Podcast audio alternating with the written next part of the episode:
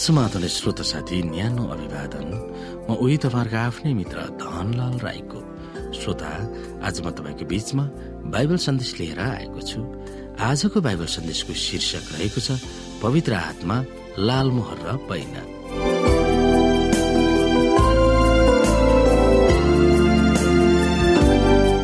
श्रोत साथी यसोमा आफ्नो परिवर्तित जीवनको बारेमा पावलले छोटकरीमा आफ्ना पाठकहरूलाई एफिसी एक अध्यायको तेह्र र चौधमा बताउँछन्। यस कथामा के कदमहरू छन् आउनु श्रोता हामी तेह्र र चौध हेरौँ। तिमीहरू जसले सत्यको वचन अर्थात् आफ्नो मुक्तिको सुसमाचार सुन्यौ र उहाँमा विश्वास गर्यौ उहाँमा नै तिमीहरूलाई प्रतिज्ञा गरिएको पवित्र आत्माको छाप लगाइएको थियो। परमेश्वरको आफ्नो सम्पत्ति अर्थात् हामीहरूले हाम्रो पूर्ण उद्धार नपाएसम्म उहाँका महिमाको प्रशंसाको निम्ति पवित्र आत्मा हाम्रो उत्तराधिकारको बहिना हुनुहुन्छ।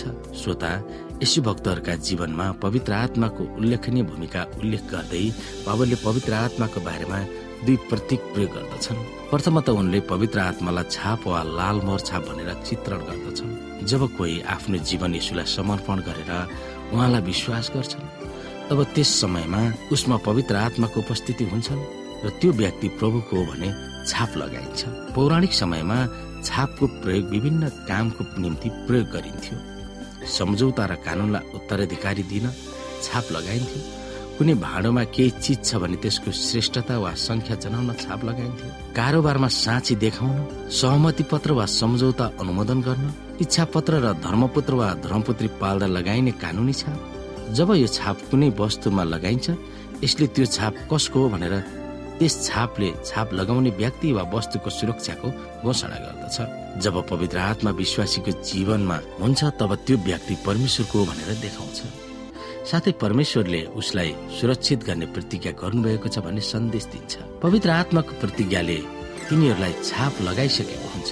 जब कसैले आफ्नो जीवन यसुलाई अर्पण गर्छ र उहाँलाई विश्वास गर्छ तब त्यो व्यक्तिलाई पवित्र आत्माले छाप लगाएको हुन्छ। त्यो व्यक्ति उद्धारको दिनको लागि सुरक्षित राखिएको हुन्छ।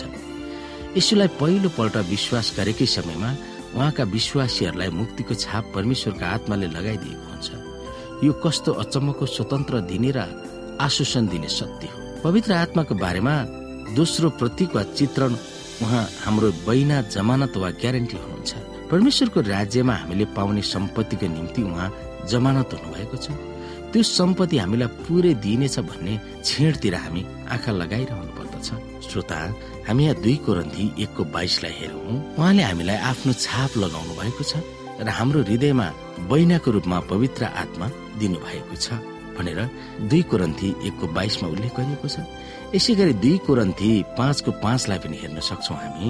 यहाँ लेखिएको छ अब हामीलाई यस कुराको निम्ति तयार पारिदिने परमेश्वर नै हुनुहुन्छ। जसले हामीलाई बैनाको रूपमा पवित्र आत्मा दिनुभएको छ। यो जमानत भन्ने शब्द आराबान वा हिब्रू शब्द हो जुन नयाँ करारको कोइने ग्रिकमा धेरै प्रयोग गरिएको छ।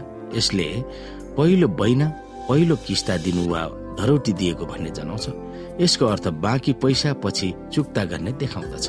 यो पनि याद हामीले गर्नुपर्छ त्यो बैना वा किस्ता विश्वासीहरूले दिने होइन तर परमेश्वरबाट पाउने हो। विश्वासीहरूको जीवनमा पवित्र आत्माको उपस्थिति हुनु नै परमेश्वरको ढुकुटी हो।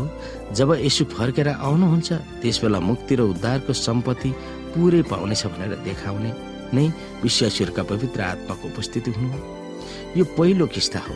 हाम्रो काम भनेको त्यसलाई कृतज्ञ भएर पाउनु हो र यसोले हामीलाई के उपलब्धि गराएको छ त्यसको लागि उहाँलाई हृदयदेखि समर्पण गरेर ग्रहण गर्नुपर्दछ। यो कुरामा हामी विचार गर्न सक्दछौँ।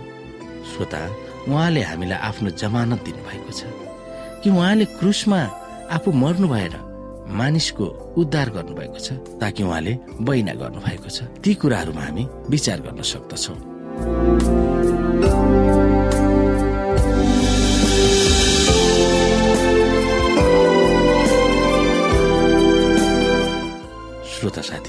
आजको लागि बाइबल सन्देश यति नै। हस्त नमस्ते। जय मसिंह।